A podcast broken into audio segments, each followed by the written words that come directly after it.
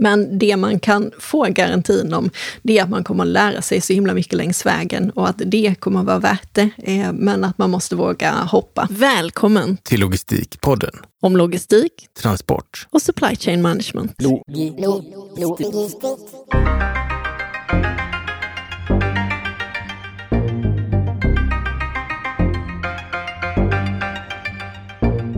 Hej och varmt välkommen till Logistikpodden. Ni som lyssnar på det här har en massa kloka frågor som ni spelar in till mig och Pio. Den 3 juni hade vi ett webbinar och fick möta några av er och det här avsnittet är en del av det webbinariet där vi har en intressant fråga och ni får höra svaret. Ja, precis. Och i veckans avsnitt kommer vi att gå igenom en modell eller en metod för hur du skulle kunna bedöma och eh, egentligen ta fram olika scenarier för hur de här exponentiella teknikutvecklingarna som sker inom eh, digitalisering, elektrifiering, automatisering och så vidare. Hur de skulle kunna påverka dig, ditt företag eller din avdelning, din bransch och kanske samhället i stort.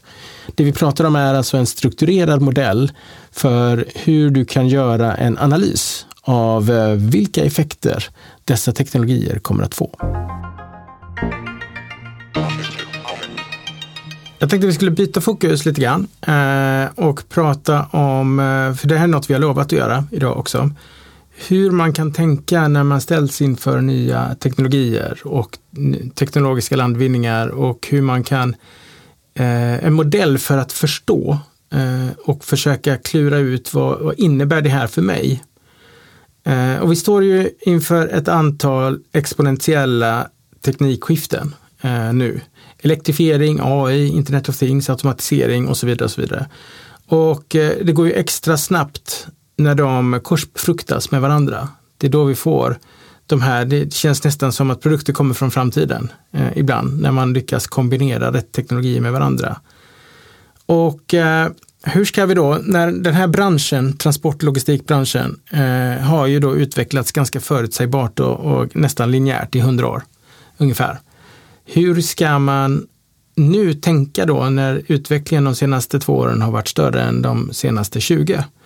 Eh, det här har vi haft uppe i ett antal avsnitt och jag tänkte dela med mig av en, en modell som jag ofta återkommer till och jag ofta kör workshops kopplat till den här också.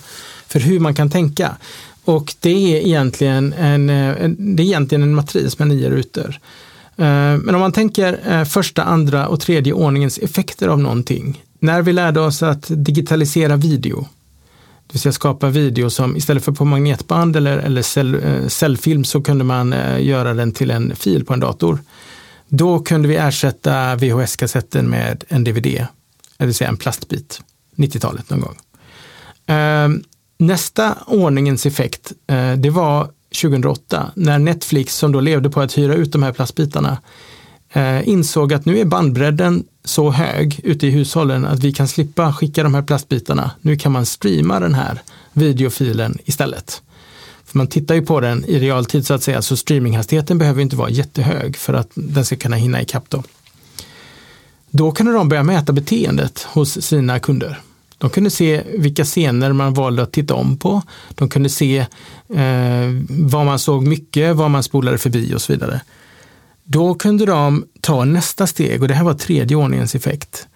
Och det såg man 1 februari 2013 när de släppte House of Cards. Eh, alla avsnitt på en gång, för de insåg att folk konsumerade tv-serier på ett helt annat sätt än vad vi tidigare var vana vid, det vill säga ett avsnitt i veckan. De ville gärna se på tre säsonger under en helg. Och det där födde ett helt nytt typ av beteende och vi ser ju nu hur stor den här industrin är. Det var ju väldigt svårt att förutse när man lärde sig att digitalisera video i ett labb på 60-talet. Att vi skulle binge-watcha tv-serier. Men den modellen, där man tar en teknologi och sen funderar man på vad händer om den här teknologin finns tillgänglig nu idag för mig personligen. Okej, okay, då kan jag göra det här och det och det här. Vad händer då om, eh, om två, tre år när jag har haft den ett tag? Vad kommer det att innebära och sen vad kommer det att innebära i tredje led? Och det är där det blir riktigt svårt. När man väl har gjort det för sig själv så kan man titta på sin bransch eller sitt företag. Då kan man titta på sin bransch. Okej, vad händer med min industri? Eh, när vi får kvantdatorer till exempel. Ja, då kan man dra, fram, dra en kurva uppåt och se att då kommer vi kunna göra de här, de här sakerna om tio år. Och sen naturligtvis den tredje nivån är vad händer i samhället i stort när vi får en sån här teknologi. Som en självkörande fordon, då skulle man kunna säga att det första som händer är att, att man eh, slipper äga en bil. Bilen kan komma och hämta dig, den blir en del av ett kollektivtrafiksystem istället. Varför ska du äga en bil när du bara kan beställa mobilitet? Då kommer städerna, andra ordningens effekt, städerna kommer att formas om. Parkeringsplatser behöver inte ligga i städerna längre. Vi kommer att frigöra en massa yta som kan användas till andra typer av verksamhet. Eh, tredje ordningens effekt kan vara att vi får betydligt färre organdonatorer eh, som kan donera organ på grund av att vi kommer att få väldigt mycket färre trafikolyckor. Och då kommer det att leda till andra saker. Vi måste börja 3D-printa levrar och så vidare. Ni förstår. Eh, en sån övning och en sån eh, att, att strukturerat sätta sig ner och verkligen försöka tänka igenom. Det har hjälpt mig jättemånga gånger i att navigera hur en teknologi kommer att kunna påverka min värld och min bransch eh, i framtiden.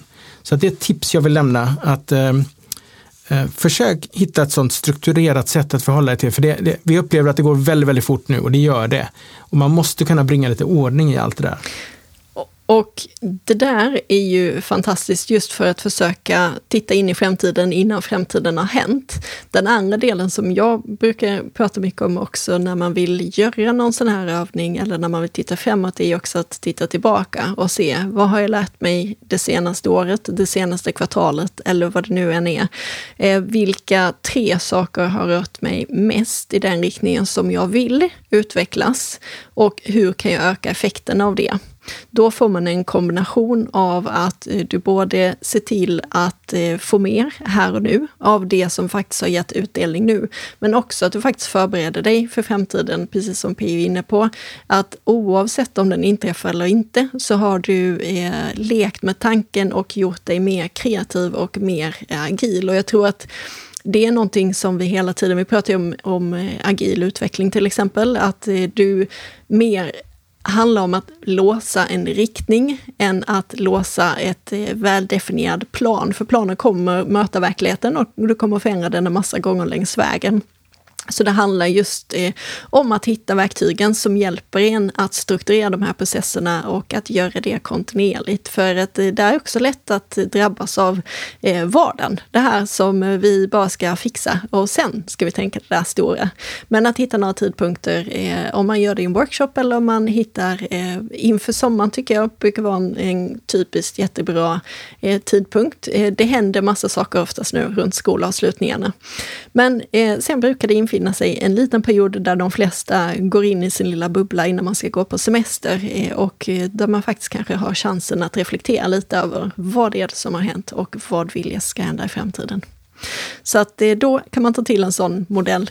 Jag kan säga efter att ha kört mängder med workshops kopplat till det här med olika organisationer och företag och på olika nivå så har jag märkt att det händer någonting när man sätter sig i ett gäng och, och strukturerat går igenom. Jag, jag brukar gå igenom ett antal sådana här teknologier, borra lite djupt eh, och, och, säga Internet of Things, det är det här det innebär, det här är liksom de rörliga delarna.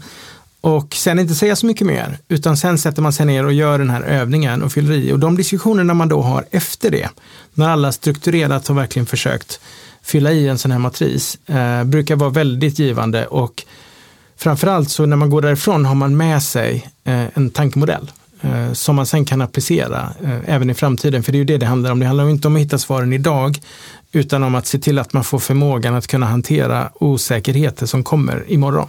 Och sen så påpekar ju Claes också att det är viktigt att våga testa och att, att vår bransch är ju rätt så konservativ väldigt mycket, eh, men börjar väl också se, andas lite olika morgonluft. Eh, och eh, det är ju väldigt viktigt just det här att, att våga testa. Vi är oftast lite rädda för att lämna sargen, för vi vill ha garantin innan vi testar att det här kommer att gå bra. Men det man kan få garantin om, det är att man kommer att lära sig så himla mycket längs vägen och att det kommer att vara värt det, eh, men att man måste våga hoppa. Så att det, det är mycket som man kan ladda inför och eh, tänka på ett strukturerat sätt. Varmt tack för att du har valt att lyssna på Logistikpodden. Vi som gör den här podden heter Nina Modig och Per-Olof Arnäs. Du når oss jätteenkelt via våra profiler på LinkedIn. Du kan också nå själva podden via logistikpodden.se på Facebook, Instagram eller LinkedIn. Hör av dig, vi vill väldigt gärna veta vad just du skulle vilja höra i Logistikpodden i framtiden. Och på logistikpodden.se kan du också signa upp dig för vårt nyhetsbrev. Välkommen dit! Logistikpodden.